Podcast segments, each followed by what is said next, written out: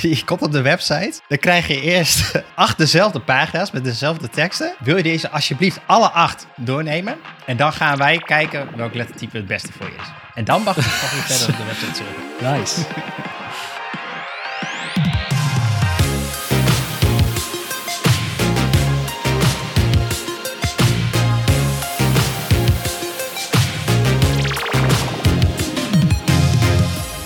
Welkom bij de Pixel Paranoid podcast. Ik ben Mikelle en samen met mijn co-host Rick gaan we alles behandelen rondom UX, UI en front-end development.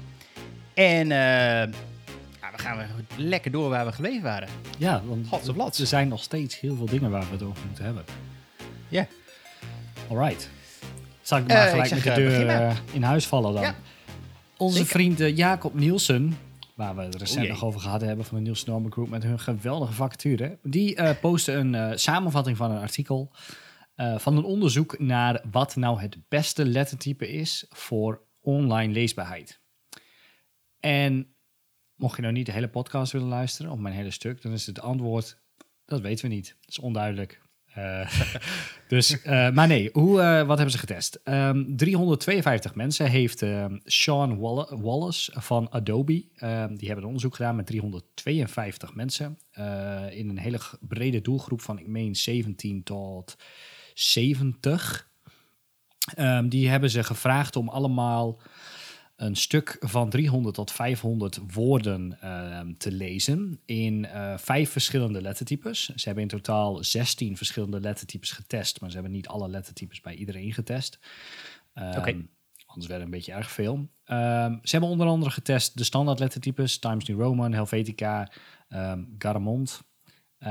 speciale lettertypes voor computer use, zoals Calibri en Arial. En ook speciale lettertypes gemaakt voor leesbaarheid, zoals Noto, Sans en Montserrat. Oh ja, ja, ja. Dus um, ze hebben de, daar hebben ze een onderzoek naar gedaan. Ze hebben die mensen die, die stukken laten lezen. En de conclusies zijn uiteenlopend. Uh, ze hebben verschillende conclusies getrokken. Uh, allereerst is het dat een persoons favoriete lettertype leest 35% sneller dan dezelfde persoons minst favoriete lettertype. Oké, dus het is heel persoonlijk eigenlijk. Het is super persoonlijk. Daarom is er ook geen één lettertype het beste. Ik, ik loop zo door de rest van de resultaten heen. Ja. Uh, maar gemiddeld was de, de gemiddelde woorden per minuut was 314. Uh, met het snelste, snelste lettertype van een, van een persoon. En 232 met de langzaamste. Dus dat 35% verschil. Ze zeggen dit kan nog groter zijn. Hadden we wel uh, alle 16 lettertypes laten testen bij alle mensen, zeg maar. Ze hebben dus nu een, een ja, selectie gemaakt. Dus dat verschil had nog groter kunnen, kunnen zijn. Hm. Um, vervolgens um, blijkt dat, eens even kijken.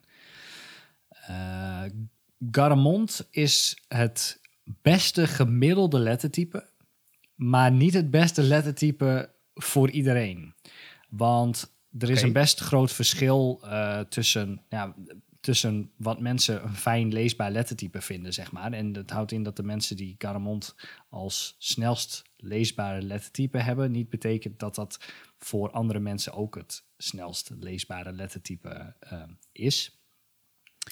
Maar Garamond is een, uh, een serif-font, toch? ja, dat klopt. Ik vind het wel interessant. Ja, die, die, eh, die leest uh, het gemiddelde. Eens even kijken, die leest 6% beter dan nummer 2 uit de average test. En dat was Oswald. En Oswald is een. Uh, is volgens mij ook een. nee, volgens mij niet. Even snel spieken erbij. Maar. Um, of is die wel. Is dat nee, Oswald is, dat, is dat een soort hele dikke. Oh ja, oh, hele ja, dikke ja, lettertype. Die, ja, best wel, best wel strak en uh, nou, modern. Precies. Ja.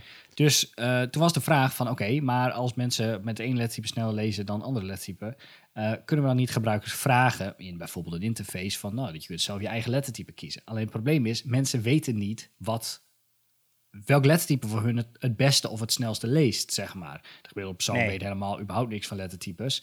Anders dan kom ik Sans in Word. Maar um, dus die keuze, die keuze kunnen mensen niet, uh, kunnen mensen niet maken.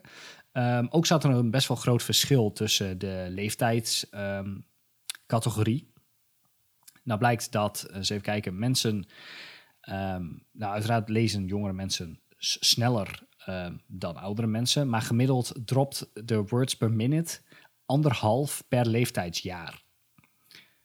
Wow. Dus dat is, dat is wel, wel, wel geinig. Dat gaat wel hard. Klopt. En het is zo'n 30, ehm, ja, dus voor iedere 20, ze hebben hier voor iedere 20-year age difference, dus de mensen tussen 20 en 40 en 30 en 50, lezen gemiddeld 30 woorden per uh, minuut langzamer. Dus iemand van 50 heeft 11% meer tijd nodig dan iemand van 30 om hetzelfde stuk tekst uh, te lezen. Grappig. Klopt. Um, nou ja, voor de rest uh, is er het verschil tussen uh, het favorietste of het snelste leesbare lettertype voor oudere mensen en het, uh, het tweede lettertype is aanzienlijk groter dan dat dat bij jongere mensen is, zeg maar. Dus als je een, ja, laten we zeggen, het verkeerde lettertype kiest voor jouw doelgroep, dan heb je daar, hebben oudere mensen daar meer last van dan jongere mensen. Oké. Dus uh, ja, eigenlijk, eigenlijk is de conclusie, er is geen echt lettertype die het beste is voor iedereen.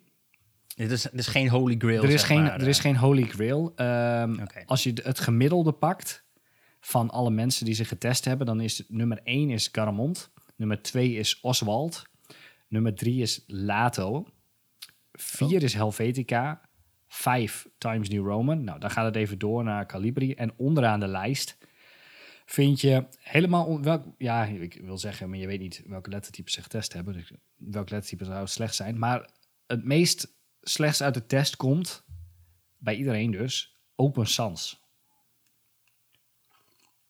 Wow. Ja, Open Sans met uh, eh, 254 words per minute. Versus dus Garamond met 312. En die is echt heel populair op het internet. Ja, en Roboto staat op plek 5 onderaan zeg maar. En Arial staat een beetje in het midden. Maar uh, ja, Caramont, Lato, Helvetica toch wel uh, bovenaan de lijst. Voor het gemiddelde. Maar dat betekent niet dat het voor iedereen dus. Caramont. Hm. Zo. Hm. Um, is wel interessant. Klopt. En de conclusie is dus, er is geen uh, Holy Grail. Dus dat vond ik wel een interessante... Maar wat jij net al zei, uh, mensen dus hun eigen lettertype laten aanpassen, is dan ook niet de oplossing, want dan weten ze niet wat ze moeten kiezen. Nee, er staat uh, second and worse, users don't know what's the best font for them. So they can't choose the best font, even if they were to give the option to customize their fonts. Ja. Dus... Um, dus het klinkt stom, maar het is een probleem dat we niet echt kunnen fixen of zo. Of, nee, nou ja. nee, dat, uh, nee, dat klopt. dat, is ook, dat, dat, is ook eigenlijk de conclusie van het, uh, um, van het artikel. Hmm. Ze geven alleen wat, uh, ja, wat, wat tips mee waar je op zou kunnen letten. Maar. Um... Ik zit me nog wel te bedenken. We hebben het uh, vorige aflevering gehad over die, uh, die variable fonts. Hè? Ja. Maar zou je hem nou uh, stel, je hebt een bepaald font gekozen, want dat past bij de huisstijl, of is al voor je gekozen omdat het in de huisstijl zat. Uh, zou je hem zo kunnen aanpassen, stel het is een variabele font, mm -hmm. dat hij dan leesbaarder wordt bijvoorbeeld? Zou, zou kunnen. Ze, ze, komen hier zelf met het, een, een, een voorstel of een idee, um, een soort van personalisatie van het lettertype, maar ze doen het dan hier op basis van Yeah. A browser or e-reader would initially present text in a randomly selected font, and after enough time has passed to, to generate a reliable estimate of the user's reading speed with this font, the system would change the font um, and use it until a reliable estimate of that font's reading speed. Now, and then yeah. repeat this process as many times, and eventually the user uh, specifics reading speed will have been measured for several fonts. Um, nou ja, en dan, ja, als je een e-reader hebt, kun je inderdaad gewoon zeggen: Oké, okay, eh, schijnbaar in dit lettertype lees, doe je zo lang over een pagina. Ja. En dan kun je dat optimaliseren. Maar ja, op een webpagina lijkt me dat uh, elke pagina in een ander font serveren en kijken hoe lang mensen op de pagina zijn. Lijkt me niet echt een. Uh... je komt op de website, dan krijg je eerst acht dezelfde pagina's met dezelfde teksten. ja. Wil je deze alsjeblieft alle acht doornemen? En dan gaan wij kijken welk lettertype het beste voor Precies. is. En dan mag, dus, mag je verder op de website surfen. nee, dat, uh, dat, dat, exact dat geven ze hier ook zeg maar aan. Uh, would be unpopular to present text in ever-changing fonts during a calibration procedure. En dan, maar goed, uh, dat, is, dat is niet echt een, niet echt een optie. Misschien hebben we over, over tien jaar allemaal uh, uh, camera's. En dan kunnen we gewoon live eye tracking doen. En kunnen we gewoon zien van, ah, die alinea, dat doen ze zo lang over. Als ik nou het font verander, gaat het dan sneller? Nou, ja, het enige wat ze hier zeggen is, um, mensen die ouder zijn, lezen langzamer. Mensen die het verkeerde lettertype hebben, hebben dus meer moeite met lezen. Conclusie, maak de tekst korter. Probeer zo simpel mogelijk te schrijven. Hou het zo kort mogelijk dan hoeven mensen minder te lezen, hebben mensen minder ja. last van een verkeerd font. Dat is. Uh, dat makes sense, ja. ja. Dat is de conclusie. Een beetje de basics. Dus, um, oké, okay, cool. Ja. Uh, ja, ik um, kwam een blogpost tegen van uh, Tailwind. Uh, die, die zijn uh, met allerlei dingen bezig. Uh, met Tailwind UI en of de mensen achter Tailwind moet ik zeggen. Uh, die zijn met Tailwind UI of Tailwind CSS bezig, maar ook uh, Headless UI. Ja. en dat zijn Headless UI is een library met soort van standaard elementen, ongesteld. Ja. maar wel wel heel veel dingen al voor jou gefixt zijn. moet je bijvoorbeeld denken aan een, een dialog element mm -hmm. of een model of whatever. Um, en ehm, eh, eh, wat ze in het, uh, in het blogpost hebben geschreven, is dat zij een update hebben gegeven over hun dialog element, namelijk een focus trap hebben toegevoegd. Tailwind heeft dat, gedaan. Ja, Tailwind heeft dat in hun library toe. Nou, niet, niet, dus niet normale Tailwind, nee, maar de, tail, die, headless UI. Ja. Ehm, en dat hadden ze, of dat hadden ze al, of dat hebben ze verbeterd, maar ze hadden een, een cool trucje gevonden, zeiden ze. En uh, blijkbaar toen, nadat ze dat geïmplementeerd hadden, kwamen ze erachter van, oh, dit doen eigenlijk al heel veel libraries uh, al goed. Ja. En toen dacht ik van, hé, hey, maar wij gebruiken ook uh, wel een, een bepaald scriptje van iemand, volgens mij. Volgens mij is die van Hidde de Vries. Ja, klopt. Dus shout-out. Ja. Um, en ik dacht van, nou, daar hebben we volgens mij nog nooit wat geroepen over in, in deze show. Dus laten we dat eens bij langs gaan. Het idee van Tailwind was van, hey, wat als wij een ehm, dus uh, het ding is, om een toegankelijke model te maken, mm -hmm. is het ook de bedoeling als je daar met je toetsenbord in navigeert, dat je daarin blijft, zeg maar. Dus dat je er niet weer uitgaat. Ja. Tenzij je de model sluit, uiteraard, en dan kun je wel weer gewoon door de rest van het document heen. Ja, want voor de mensen die het niet kunnen visualiseren, het probleem is als je met je toetsenbord door een website gaat en je klikt op een knopje die een pop-up opent, dan moet je A, de focus verplaatsen binnen die pop-up, omdat anders als je doortapt, dan ja, zien wij visueel in beeld een heel grote pop-up. Maar de focus van hetgene waar jij daar eerst zat, die gaat gewoon rustig op de achtergrond door. Dus je kunt niks met je toetsenbord selecteren in de model. Als je dat wel goed hebt gedaan en je verplaatst de focus wel naar in, ehm, in de model. En je bent vervolgens het laatste element wat focusable zou zijn in de model voorbij. Dan gaat hij gewoon weer verder in de content daarachter. En dan ja blijft de model voor eeuwig openstaan, zeg maar. Dus vandaar dat het ook verplicht is voor de WCAG-regels uh, dat de focus uh, binnen de pop-up blijft. Dus eigenlijk switchen van, nou, ik zou zeggen, kruisje naar alle items in de model, weer terug naar kruisje en dan ja. een endless loop totdat jij op het kruisje uh, entert, zeg maar. Maar ja. go ahead. Exact. En ehm, standaard uh, om, om, want dat, standaard werkt dat niet zo. Dus hè, je hebt, wat jij net al zei, je hebt allemaal focusable elements in een model zitten. En als jij er doorheen tapt, dan ga je er gewoon uit. Dus je moet zelf een soort van focus trap maken. Mm -hmm. uh, en zij hadden de fix uh, om dat te fixen, om twee hidden elementen toe te voegen die wel focusable zijn. Ja. eentje in begin en eentje aan het eind. En dan hebben ze het enige wat ze dan met JavaScript doen, is van hey, als ik op de laatste item ben, dan zet ik, en ik tap, dan zet ik de focus weer terug op de eerste. Nou, ja. best, best oké. Ehm, alleen toen dacht ik van, hé, hey, maar dit, dat, dat script wat, uh, wat Hidde de Vries heeft gemaakt, die werkt zonder extra elementen. Ja, ja die, die, maakt ehm, gewoon een lijstje met uh, zoek naar inputs, buttons, aatjes. Eigenlijk exact. Die... Dus ik wou nou, dat, dat, dat okay, juist nou uitleggen. um, dus inderdaad, hij heeft een script gemaakt waarbij je eigenlijk een hele lijst geeft met welke elementen zijn allemaal focusable in jouw, uh, in jouw model. Die kun je opgeven. Dat is eigenlijk een soort van array waar je doorheen loopt.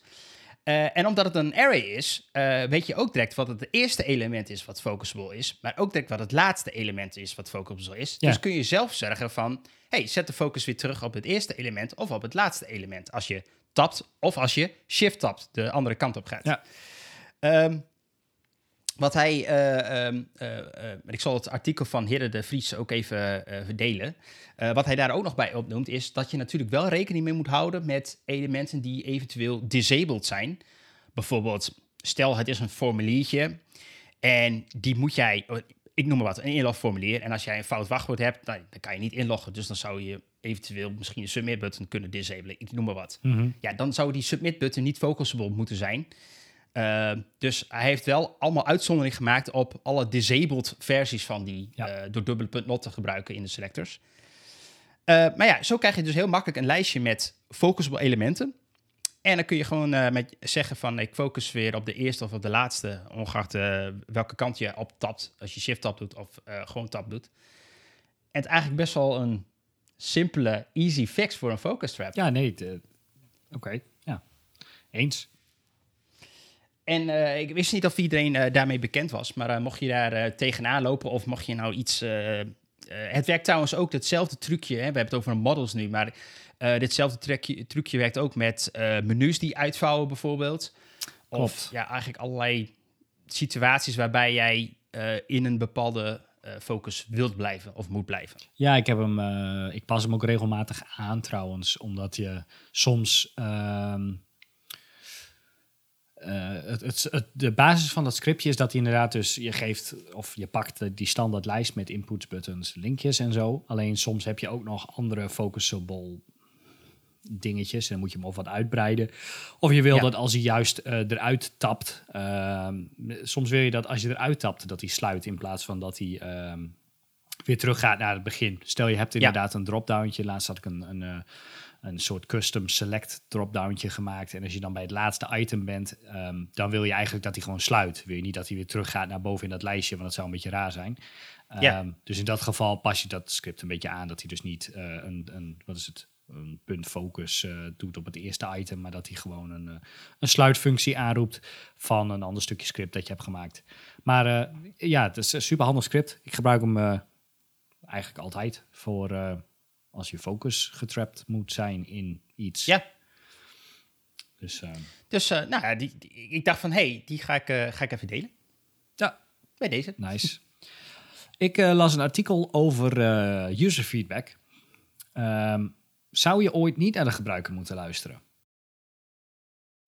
Zou je ooit niet naar de gebruiker moeten luisteren? Uh, nou ja, in mijn ervaring ja daar zou je soms wel eens niet naar moeten luisteren, denk ik. Of la, laat ik zelf zeggen, ik denk dat het laat ermee af wat je met die feedback doet. Dat is denk ik het betere antwoord. Ik denk niet dat het feedback niet waardevol kan zijn, maar je moet, om het letterlijk zo uit te voeren of te fixen, dat... De hint zit hem inderdaad in feedback. Ehm, de conclusie van het artikel is van je moet zoeken naar insights, niet naar feedback. Oké. ja. Ehm, en ze, ze komen met een, eh, een, voorbeeld van Betty Crocker. Dat is een uh, bedrijf die cake mixen maakt in Amerika schijnbaar al sinds 1932. En die verkopen ze nu nog steeds, dus schijnbaar is het wel een succesvol uh, bedrijf. Uh, maar die kwamen in de jaren 30, 40, 50 schijnbaar, uh, nou, waren aan het innoveren. En de cake mix werd steeds simpeler, zeg maar. Dus op het duur zat, zat alles zat in de cake mix, zeg maar. Zelfs de, de, de eieren uh, zaten al ge, ge, gepowderd, weet ik veel, erin, zeg maar. Dus het enige wat je hoeft te doen is water toevoegen, roeren in een cakeblik, gaan we er banaan. en toen kwam dus de feedback van um, dat mensen dat, dat ja, dat ze, uh, dat, ja, het was slecht en ze, iedereen had een hekel eraan en het was niet leuk en weet ik het allemaal. Maar dat was, dat was de feedback, zeg maar. Maar door door te vragen, wat was nou de insight van ja, ik heb niet meer het gevoel dat ik deze cake zelf heb gemaakt, zeg maar. Ja. Dus het enige wat ze volgens gedaan hebben is gewoon die powdered eggs er weer uitgehaald, waardoor je nu zelf twee verse eieren moet toevoegen aan die cake mix en hem vervolgens wel zelf moet roeren, zeg maar. En dan heb je zelf die cake gemaakt. En dat geeft alle, nou, in dit geval ging over huismoeders, weer echt het gevoel dat ze die cake zelf voor hun familie hebben gemaakt, zeg maar, in plaats van dat het gewoon yeah. uit een pakje komt. Ja. Um, maar goed, dat was even dat, dat was dat voorbeeld. Maar ook um, look to customers to find problems, not solutions. Want als je moet luisteren naar alle feedback van gebruikers, ja, dan kan ieder product wel op de plank, zeg maar. De, iedere website die je ooit gemaakt hebt, die is niet goed. Ehm, dus je moet inderdaad kijken naar wat zijn de problemen die mensen ervaren en niet wat zijn de oplossingen waarmee gebruikers zelf uh, komen. Um, dat, is, dat is één. Dat gebeurt trouwens echt best wel vaak nog. Als je gebruikersinterviews doet. Ja, dat is, dus, oh, ik zou dat zo doen. ja. precies. En dan in plaats van te kijken wat nou daadwerkelijk het, uh, het probleem is. Um, dus ja, dat, uh, dat, dat, als je het probleem oplost, dan hoef je niet per se een feature in te gaan bouwen om iets te doen, zeg maar. Als je, misschien is de, de het probleem ligt wel heel ergens anders, zeg maar, zonder dat je iets extra's hoeft te gaan doen als je gewoon een, een stap in het proces of bijvoorbeeld fixt. Ja. Um, dan zijn er ook nog uh, luister, of kijk naar de, de silent uh, sources of insights. Dus dingen die, klanten, die klanten, gebruikers niet um, melden, maar die je wel ziet tijdens een gebruikersonderzoek. Um, okay. Ze noemen die cow paths. Uh, the accidental pathway to show where users actually walked. In, in, dus in plaats, zeg maar, de, de, de shortcut in het gras. Uh, in plaats van over de stoep waar mensen lopen. Ja. Um, dus kijk hoe mensen je product echt gebruiken op manieren waarop jij het niet, waarvoor jij het niet bedoeld had, zeg maar. Dat geeft ook wel, uh, geeft ook wel inzicht. Uh, en interview mensen die jouw product niet meer gebruiken. Hmm. Want wat is de reden waarom die mensen jouw product niet meer gebruiken? Er is vast een reden waarom ze ermee gestopt zijn. Uh, ja. En daar kun je ook wel heel veel van leren. Ja, dus als zeker. je een app of een product of een service biedt en mensen gebruiken een SaaS-service en mensen gebruiken die, uh, gebruiken die niet meer. Ja, wat is de reden waarom ze hem niet meer gebruiken? Dus ja. um, interview niet alleen ja, huidige gebruikers, maar ook juist oude, oude gebruikers. Um, even kijken. Was er verder nog iets? Ja, wanneer moet je wel en niet luisteren naar gebruikers? Um, die, een product uh, bestaat uit een innovatie adoption cycle. Misschien ken je hem nog wel van school of iets dergelijks. Ja, het is de, ja, ja. de, de, golf, zeg maar, met de, innovators, de early adapters, de early majority, late majority en de, de laggers. Um, als je in de periode van uh, bloggen had gevraagd aan mensen: Goh, wat zou je ervan vinden als je met uh, berichtjes van 140 karakters um, online ergens iets kunt, kunt posten, à la Twitter? Uh, daar hadden mensen ook gezegd van nee, dat, dat, dat willen we niet, zeg maar. Want ja, dan ben je dus op het verkeerde moment uh, mensen aan het vragen om, om feedback. Waarom zou je een limiet zetten op een bericht? Ja, precies. Als je ook gewoon hele, hele posts kunt, kunt schrijven. Um, dus die, even kijken. Hmm, nee, dat was het wel eigenlijk. Dus inderdaad, kijk door de feedback van gebruikers heen. Uh, we hebben al meerdere, zoals ik, jij ook, meerdere gebruikersonderzoeken gedaan en uh, super insightful.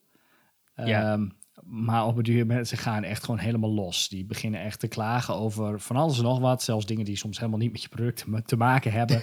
uh, weten het altijd beter. Zouden komen met adviezen over hoe jij dan wel even de website zou moeten aanpassen. Ja. Omdat het echt totaal verkeerd is. En sure, dat kan zo zijn.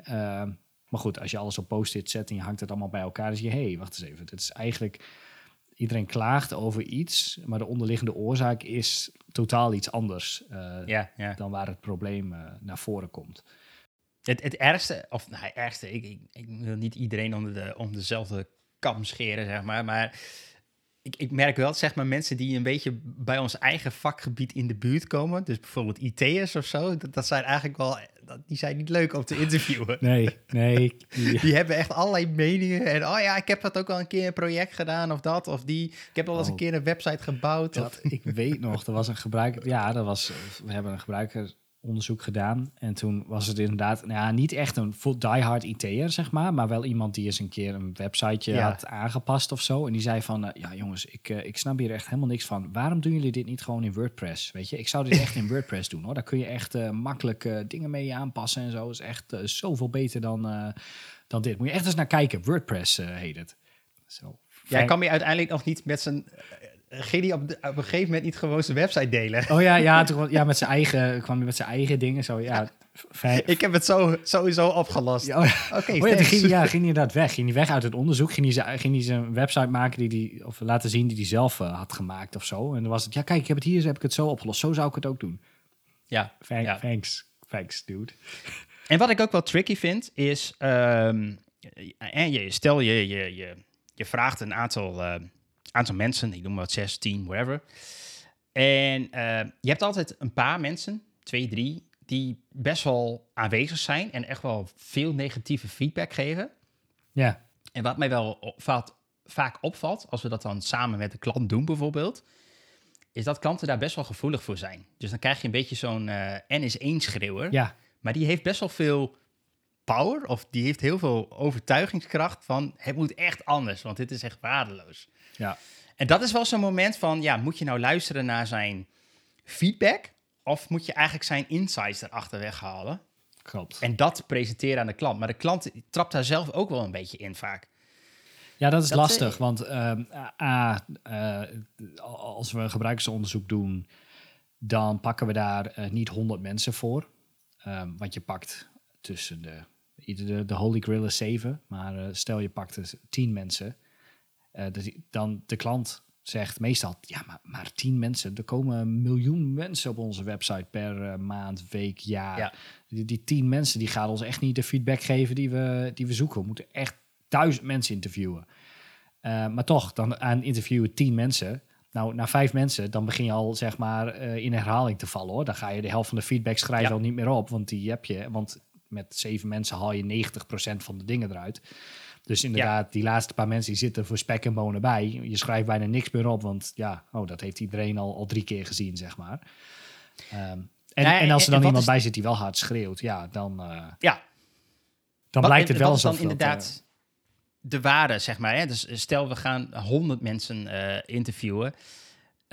tuurlijk, je krijgt, als je meer mensen gaat interviewen, krijg je nog meer edge cases of rare dingetjes. Maar je hebt het dan ook over, wat, 1, 2, 3 procent van de gebruikers. Ja. En moet je daarvoor je hele website of je hele applicatie anders maken? Ja, weet niet. Klopt. Dus uh, ja, er zijn wel wat, uh, wat valkuilen uh, daar. Maar ja, cool. Leuk, leuk artikel. Ehm, ja, ik kwam ehm, iets tegen van onze vriend Jared Spool. Jared Spool. En Jared Spool is een. Uh, die hebben een keer eerder heb ik die genoemd. Volgens mij ook, ook wel een Twitteraar die denk ja. ik wel. Um, uh, ja, wat moet volgen eigenlijk. Want die post best wel zinvolle dingen. Is iemand die best wel um, veel conferenties staat, veel spreekt. En, en hij heeft volgens mij een uh, organisatie wat uh, UX trainingen geeft. Uh, heeft ook een, een soort van adviesbureau, zeg maar, die je kan inhuren, die UX meuk doet voor bedrijven, mm -hmm. et cetera. Die hebben al, ja, dat is al lang geleden, want volgens mij is het artikel uit, heel kort kijken, uh, nou, lang geleden volgens mij, 2013 of zo. Of nee, oh, 2017, sorry, 2017. Mm -hmm. En het gaat over NPS. En uh, we kennen allemaal NPS, want dat is een beetje de, de holy grail om te meten of jouw bedrijf of jouw dienst of jouw product of dat aangeraden wordt bij iemand anders. En er komt een cijfer uit, een NPS-score uit. En uh, nou, daar kloppen de meeste marketingmanagers mee op hun borst of niet. Ja, daar dat, kunnen is ze heel de, dat is de holy, de holy grail inderdaad van, uh, uh, van um, wat is het? Company um, goals, zeg maar. Van de NPS-score moet wel minimaal... ja. En het, het, het, idee hierachter, die NPS-score, is... Het is namelijk, je krijgt één cijfer eruit. En daar kun je natuurlijk heel veel mee doen. Uh, je kunt er, uh, stel je doet dit jaar een, een, onderzoek en je doet volgend jaar een onderzoek, dan heb je twee cijfers, die kun je met elkaar vergelijken en dan weet je of je groeit. Nou, amazing. Hoe werkt het nou en waar staat het voor? Het is de Net Promoter Score. En wat ik al zei, je stelt eigenlijk één vraag en, dus, en die vraag is, zou jij dit aanraden aan vrienden of collega's? Deze product, dienst, je bent, je bent net een mailtje in mijn inbox van iedere website waar ik ooit iets besteld Ja. heb, zeg maar. Na een week na data krijg je een mailtje. Zou je, ben je tevreden over de service? Zou jij het aanrijden bij vrienden en familie? En dan geef 1 tot en met 10 sterren. Juist. Altijd een 7 geven. nou, dat is, een, dat is een goeie, inderdaad. Uh, dus de Net Promoter Score, je geeft inderdaad van 0 tot 10. En bij 0, dan is, ik raad het helemaal niet aan. En 10, ja, ik zou het zeker weten aanraden. En het idee is eigenlijk dat je uh, eh, 0 tot en met 6 laat je, uh, dat zijn de mensen die het eigenlijk helemaal niet aanraden. Uh, de 7 en 8 mensen, die laat je weg. Want blijkbaar hebben die niet een sterke mening. Die zijn niet heel erg sterk tegen jouw product. Maar zijn ook niet zo heel sterk dat ze zeggen: ja, ik raad het zeker weten aan. Dus die laten ze uit de resultaten. Dus dan hou je eigenlijk twee groepen over. Namelijk mensen die heel erg negatief zijn en mensen die heel erg positief zijn. En daar komt de score uit. Uh, dus stel, uh, we vragen een, een, eh, een, groep mensen, bijvoorbeeld 10 mensen. En we krijgen daar een aantal cijfers uit. Bijvoorbeeld, uh, er zijn twee mensen die geven een 0, één iemand geeft een 1, er zijn drie mensen die geven een 6, er zijn twee mensen die geven een 8 en er zijn twee mensen een 10. Nou, ehm, daar komt een NPS-score uit van min 40. Uh, en dat is niet heel best, want dat is dus een negatieve score, omdat er meer mensen uh, een 0 tot en met 6 hebben gescoord dan mensen die een 10 hebben gescoord. Ja. Want, wat ik net al zei, die mensen die een 8 hebben gegeven, die laten we uit de uh, ja. formule. Oftewel, dat klinkt best wel shit, min 40. dat klinkt niet best. um, en het idee is nou, stel jouw product is nou echt waardeloos. Het is echt waardeloos en iedereen van die 10 mensen, iedereen zegt een 0. Nou, dan heb je dus een min 100 gehaald. Gaan feliciteerd. Okay. Nu gaan we uh, de UX verbeteren van, die, van dat product, van die website, van die app, whatever. We gaan aan de slag, want het was echt waardeloos. En uh, we gaan weer een test doen. Nu gaan al die 10 mensen die zeggen: Oh nee, het is nu een 6. Nou zou jij zeggen: dat is, dat is al een dikke verbetering, toch? Dat, dan zou je zeggen, we zijn van 0 naar 6 gegaan. Maar ja, ik weet hoe je de score opbouwt, dus... Ja, de NPS is nog steeds min 100. Want 0 tot en met 6 uh, is nog steeds een negatieve score. Oftewel, die telt compleet negatief mee. Ja. Uh, is dus een min 100 NPS. En je ziet dus geen voortgang in je... Je UX kan echt daadwerkelijk wel beter zijn. En eigenlijk hebben mensen ook wel aangegeven dat het beter is. Alleen dat vind je niet weer terug in, die, in dat ene cijfer, zeg maar. Nee. Uh, dan komt de volgende. Deze is helemaal leuk. Stel, al die tien mensen, we gaan nog weer verbeteren. We, gaan, we zijn echt goed bezig. Uh, team doet high fives, want oh my god, alles staat live. uh, amazing. Alle tien mensen geven een 8. Ah. Nou is de NPS-score een, een 0. nou, dan ga jij, je bent echt keihard bezig geweest. Uh, je hebt een hele PI-planning gedaan, hele kwartalen losgegaan. En als je NPS-score 0. En jouw marketing uh, manager die zich gaat, of ja, weet ik veel, jouw, manager die gaat naar uh, de upper chief en die zegt van, nou jongens, we hebben nu een score van 0. Hey, maar we zaten op min 100. Ja, oké, okay, we zaten op min 100. Maar het klinkt nog steeds waardeloos. Ja. Want je hebt een 0. En je wil eigenlijk een 100 halen. nou, we gaan een klein, kleine feature toevoegen. Want ja, misschien, misschien is iedereen dan uh, uh, toch wel beter, vindt het toch iets beter dan, dan, dan voorheen. Dus we gaan iets toevoegen en we vragen weer die 10 mensen. En verrek, het werkt. Uh, al die 10 mensen hebben nu een 9 gescoord. Ja. En nu is de NPS-score 100. Ja. ja dat is, Terwijl er maar, we zijn van, van, van 8 naar 9 gegaan. Dus ja, de NPS-score is een beetje. Ja, het is niet heel, heel accuraat, zeg maar. Uh, en dat is ook een beetje de, het, hele uh, mening van dit artikel is ja, je hebt er niet zoveel aan. Zeker voor UX niet. Dus om te achter te halen of, of het nou lekker werkt, et cetera. En waardoor je misschien kleine dingen verbetert, zie je geen verschil dus. Je, je, maakt geen hele grote stappen. Nee, ik kreeg laatst ook een artikel, maar ik kan hem zo snel even niet vinden. Dat ging ook over um, waarom NPS een beetje achterhaald is. Um, en dat er heel veel NPS-dingen ook gewoon verkeerd worden ingezet, zeg maar. Um, en dat het, volgens mij was dat van... Uh, ik weet al was van diezelfde gast die ook uh, die user experience um, um, comic strip ding maakt. Weet je? Oh ja. Die gaat ook een beetje over NPS. Uh, dan krijg je zo'n mailtje met dat je contact hebt gehad met de klantenservice en zo. En dan zou je dit aanraden. En ik, wie ga ik nou beoordelen dan? Die persoon, dit bedrijf? Uh, waar, waar gaat dit over, zeg maar? En ook inderdaad dat het je user experience, zeg maar, dat jouw dat user experience van de app misschien helemaal niks aan de hand. Echt top. De hele shop werkt goed, allemaal super toegankelijk, helemaal top. Alleen ja, misschien is het bedrijf wel gewoon uh, vet slecht, werd het product te laat geleverd, weet jij veel. Dat kan wel honderd. Kan ook alleen de prijs zijn misschien zelfs. Bijvoorbeeld inderdaad. Nee, dat, ja, nee, eens. Ja, dat is wel. Uh, ja, de, ja. Nou, en hij, gaat nog op iets in. Want, want eigenlijk vragen we mensen om uh, te raten van 0 tot en met 10. Hè? Ja. Maar dat is best wel een grote schaal, zeg maar. Dus wat is het verschil, zeg maar, tussen een 2 en een 3 uh, sterren? En wat is het verschil tussen 7 en 8? En, en 9 en 10? Wat, wat, het, is, het is heel lastig. Dus hij legt het er ook waar uit. Stel, we gaan terug naar een... Uh, een, uh, een drie opties, zeg maar. Bijvoorbeeld, nou, vond je dit interessant? Ja, nee of ik weet het niet. Mm -hmm. Dat is heel duidelijk voor mensen. Ja. Dan weten ze, ik vond dit duidelijk. Ik vind het niet duidelijk. Of, nou ja, oké, ik heb geen idee. Nou, ja, dan kun je de mensen van geen idee's kun je weglaten. En dan heb je alleen nog maar een ja of nee.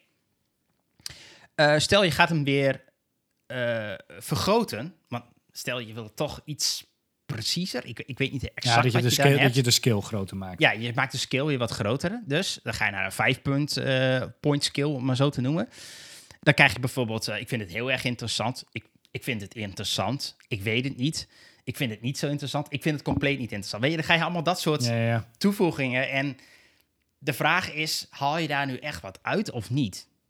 Dus ja, mensen gaan dan al, al een beetje hangen van, ja, wat voor cijfer moet ik hier nou, wat moet ik nou kiezen? Ik, dus, ik, uh, als ik inderdaad, uh, regelmatig krijg ik zo'n ding, als, het, als ik gewoon neutraal ben, dan verwijder ik gewoon een mail. Dan heb ik helemaal niet eens zin om erop te klikken.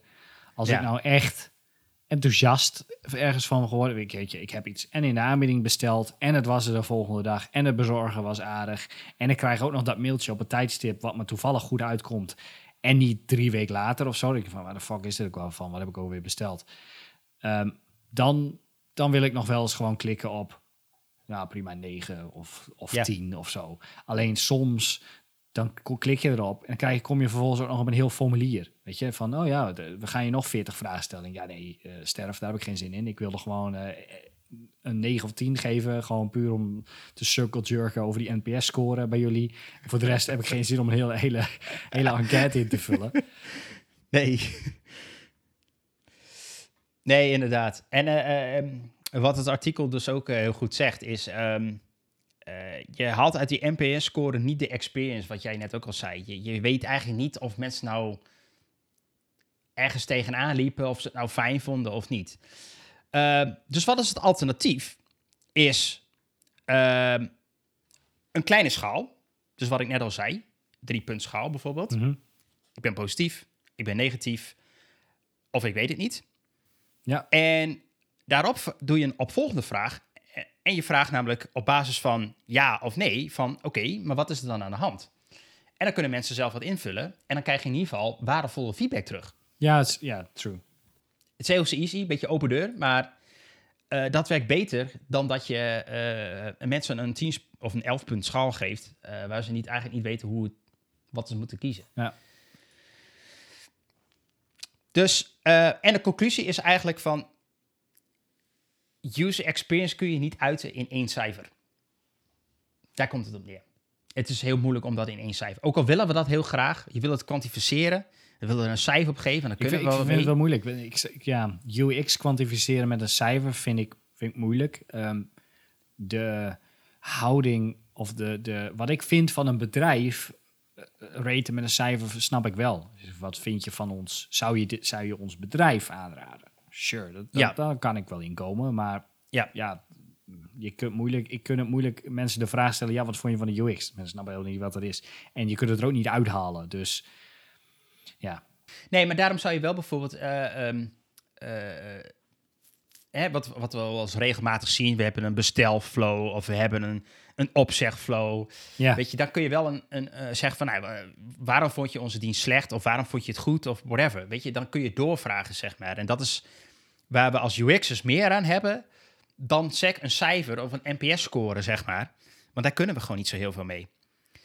Uh, en dat is eigenlijk een beetje. Dus, dus voor UX zou het ding inderdaad niet zo goed werken. En misschien voor een cijfer voor een bedrijf inderdaad wel. Ja, ik, heb die, uh, ik heb hem ondertussen gevonden. Het is de Growth Design Case Study NPS Surveys. En dat gaat dan uh, hm. niet direct inderdaad over. Nou, het gaat meer over de UX van de survey. Ehm, en die heeft als voorbeeld van: hey, ik ben bij de bank uh, geweest, fysiek. En daar heeft een gast genaamd James mij prachtig goed geholpen. En ik kom thuis en ik krijg inderdaad, of hij had het erover dat ik nog een mailtje kon krijgen met een, met een survey kom thuis, ik krijg een mailtje met uh, hey, uh, we want your feedback, zeg maar. Oh, dat zal het mailtje wel zijn waar James het over had. Dan open je dat mailtje, daar staat er zo'n heel lulverhaal in, wat echt gewoon letterlijk een copy-pasta is die ieder bedrijf heeft. Met hey, we zijn hartstikke goed bezig en we willen graag uh, van je leren, ja, ja, ja. Um, how likely would you be to recommend, nou, bladibla bank, to a friend or family member? En dan is de vraag, ja A, ziet dat hele mailtje er al onaantrekkelijk uit. Het ziet eruit als een generiek standaard mailtje. Wie ben ik hier nu aan het raten? James, die mij net geholpen heeft, of de bank in het algemeen? Want ja, de bank die heeft het niet zo goed gedaan. Maar James, die mij net heeft geholpen om mijn probleem op te lossen, die heeft het wel goed gedaan. Dat is een goeie. Um, en daarnaast is het zo van... Even kijken. Uh, ja, zo van... If James was great, but I hated my bank... geef ik dan een 5 uit 10? Zeg maar. Maar, maar beboed ik daarmee James, terwijl die wel goed zijn werk heeft gedaan? Ja. Nou, dat is dus een beetje een dubbele vraag, zeg maar. Uh, plus dat, nou, ik, uh, ik, zet hem in de, ik zet hem in de show notes. Dus... Uh, het doet me even denken aan wat je nu net zegt. is even een side, uh, sidestep dit, maar ik, ik kwam dus een tweet tegen van iemand. En volgens mij is dat Lera, Lera Fu, die, die, die, dat is uh, die, nou, frontender volgens mij. Okay. Uh, die, die, die. Uh, en die tweet vaak wel eens van die dark patterns. Oh ja. Uh, en, en ze had een, tweet, of ze had iets ge, geplaatst wat ze tegenkwam. En, en er was een opzeg, iets geloof ik. en dat was een pop-up met drie mensen, drie werknemers van dat bedrijf. Oh, ja, ja. Wie, wie... Met zo'n met zo bedelen, zo van, ja, wie, wie heeft het fout gedaan? Ja, precies. Ja, wie wil je de schuld geven, inderdaad. Ja. Klopt. Ja, dat, was, dat was wel een legit ding, hè? Dat was volgens mij niet gefaked. Oh, dat is echt niet best. Dat kan echt niet. en dan ook zo heel sad, zo, ja, wie, wie geeft je de schuld van dit? En dan, en dan was het volgens mij ja, inderdaad uh, de, developer, de UX-designer, of de marketeer of de, de developer of zo. Holy shit. Nee, dat kan echt niet. maar goed. Uh, ja, nee, dat was, dat was het artikel. Alright. Uh, ja, ik zag op, uh, ik was op zoek naar iets en toen kwam ik uh, op CSS Tricks een, een, een, heel klein, simpel artikel tegen. Eigenlijk alleen een opsommingslijst van wat krijg je nou eigenlijk als je een search type op een input zet. Hm. Um, en het was een opsomming van een aantal dingen. Eén is, je krijgt een extra ronde appearance in Safari. Zodat die vroeger op de andere dingen Safari leek. Maar tegenwoordig is dat niet meer zo. Dus moet je me gaan unstylen. dus dat is één. Okay. Uh, twee, uh, Safari uh, die um, ignoreert de font size, of nee, die zet de font size. Als je de font size er niet op zet van 16, dan gaat hij dus inzoomen. Oh ja, als je erop zoomen, ja. klikt. Dus dat is een ding waar je op moet letten. Je krijgt een gratis kruisje. Als je gaat typen, dan komt er zo'n kruisje in de hoek te staan van je zoek input, zodat je die weer snel kunt legen. Gewoon default, hè? Gewoon straight out of the box. Oké. Okay. Uh, je krijgt de satisfaction of knowing dat je een, een semantically correct input type hebt gebruikt. Uh, je hebt autocomplete voor zoektermen, want het is een, dat snapt je browser. Hey, dat is een zoekbox en dan ja, kun je ja, de okay. autocomplete. Levert tijdens gebruikerstesten soms um, interessante autocomplete suggesties op. Heb ik wel eens gezien tijdens een test um, yep. yep. Eens even kijken, wat nog meer. Um, en je moet er een label uh, bij zetten, uh, omdat alleen een vergrootglasje niet voldoende is. Maar dat geldt eigenlijk voor ieder input, uh, ja. inputveld. Oké. Okay. En er schijnt een soort van incremental attribute te debouncen van het search event naar de DOM toe. Ja. Wat serieus? Ja. Default? Default. Ja, het is non-standard uh, en het werkt niet in Firefox, maar wel in andere browsers. Wauw, dat, dat is best handig. Dat, dat, Dat is voor mij een eye-opener. I know. Alleen het is non-standard en uh, het werkt niet in Firefox. Maar het, uh, uh, ja, doet die gewoon. Hé? Ja. Ik, ik ben flabbergasted, want dat is... Dus dat is best handig voor. voor nou, ja, weet je, wij hebben wel eens van die, uh, die autocompletes zelf gebouwd, zeg maar. Mm -hmm. uh, dan, ja, dan koppel je een woordenboek aan of zo. Of weet je, nou, dan moet je zelf een soort van debound script maken. Ja. Uh, want je wil niet dat hij bijvoorbeeld elke, elke, elke tik, zeg maar, de API aanroept, zeg maar, of, of wat dan ook. Jeetje. Ja, ja, precies. Alleen non-standard. En ik heb verder ja. ook, er staat er ook niet bij.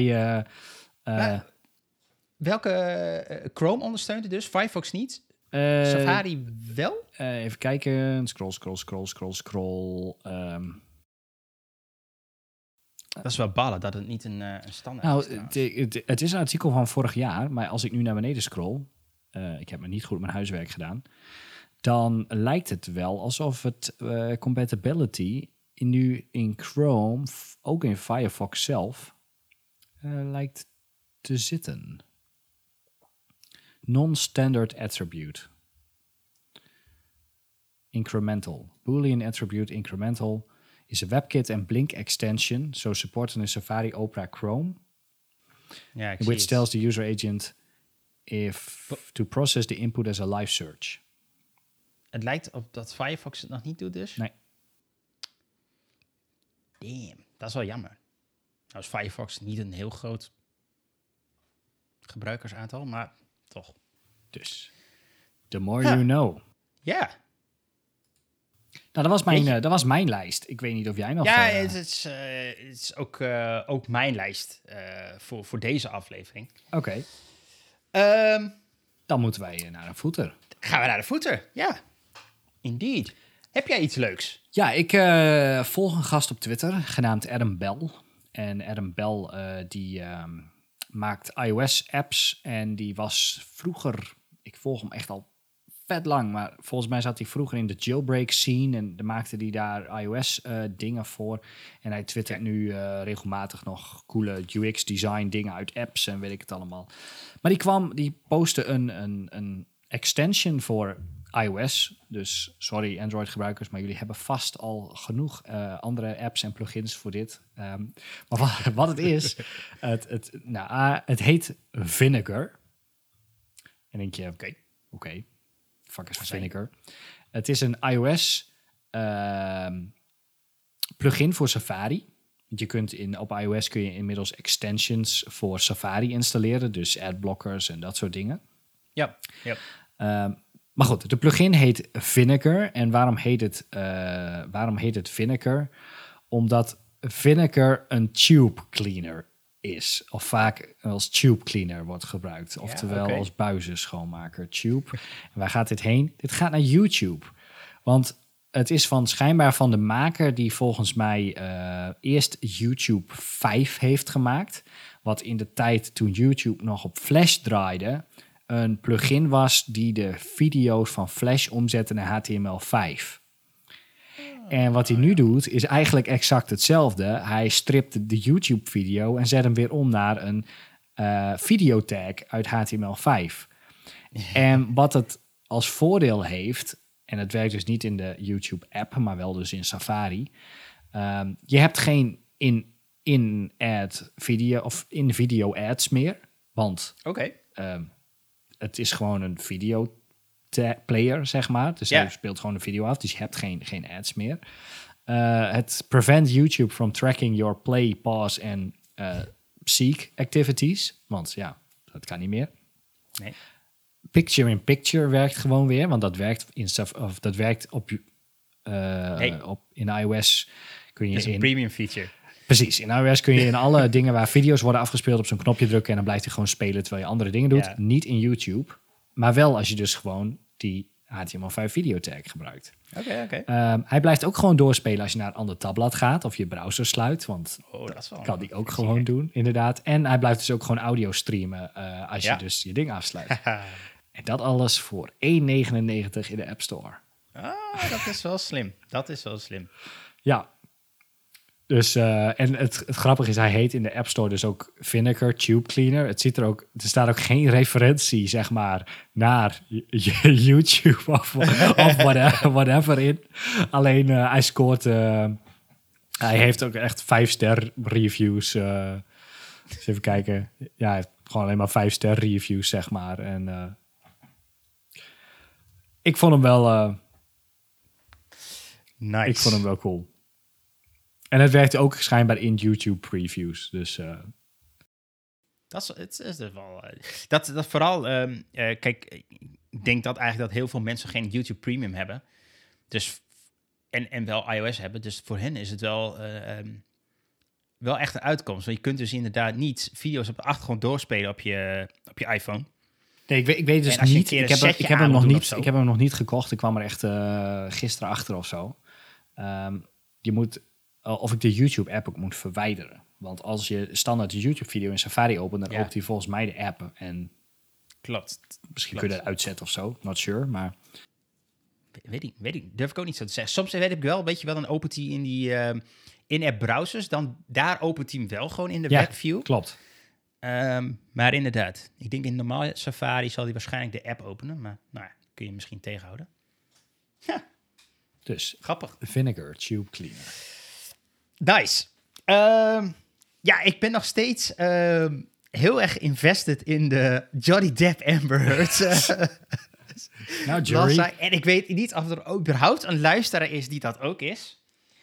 Uh, ik, ik volg alle video's en alle commentaren en mensen die meningen erover hebben. Dus mijn, mijn YouTube reco recommendation list is, is bagger. Dat, dat sowieso.